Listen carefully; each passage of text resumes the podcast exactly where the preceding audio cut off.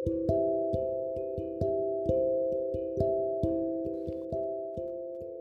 pesan yang tak pernah sampai. Bukan karena tukang pos yang tersesat tak tahu alamat tujuan, tapi ya memang pesan itu tak punya takdir untuk sampai pada tujuan. Jika kau tanya, mengapa aku bisa tahu bahwa pesan tak sampai pada tujuan? Ya karena sudah berkali-kali aku menulis pesan tapi tak pernah ada balasan. Capek? Enggak. Karena semua yang kutulis bukan paksaan.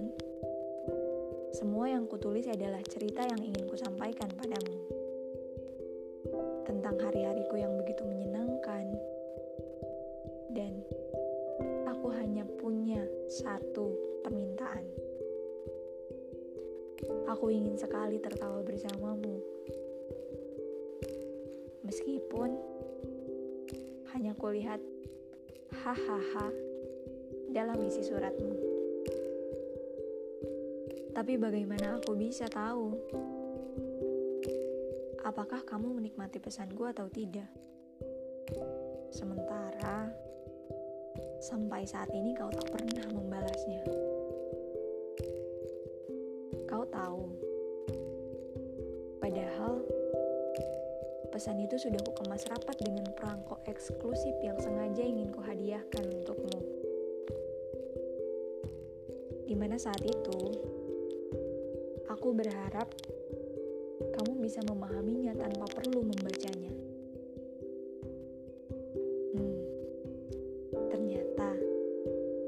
Imajinasiku salah. Imajinasiku terlalu jauh. Ekspektasi memang tak pernah sesuai dengan realita. Waktu itu, mungkin kita hanya ditakdirkan untuk bertemu, bukan untuk bersatu. Sering kau dengar, bukan? Cerita dua orang yang selalu bersama-sama. Mereka sudah merasa bahwa cerita yang mereka lalui adalah cerita tanpa badai, di mana isi kepala hanya akan berbicara bahwa cerita kita akan berakhir bahagia dan cerita kita akan seperti novel romansa. Tapi apa yang ku dapat? Perih, kecewa, bertabur sedih dalam lamunan. Mau bagaimana lagi? Jika kau tanya, apakah masih akan tetap kau perjuangkan? Mungkin untuk mengobati hatiku yang perih Aku hanya ingin menulis pesan yang tak bertujuan saat ini, yang menggambarkan isi hati yang runyam, yang diusik oleh manusia tak berperasaan. Capek sih.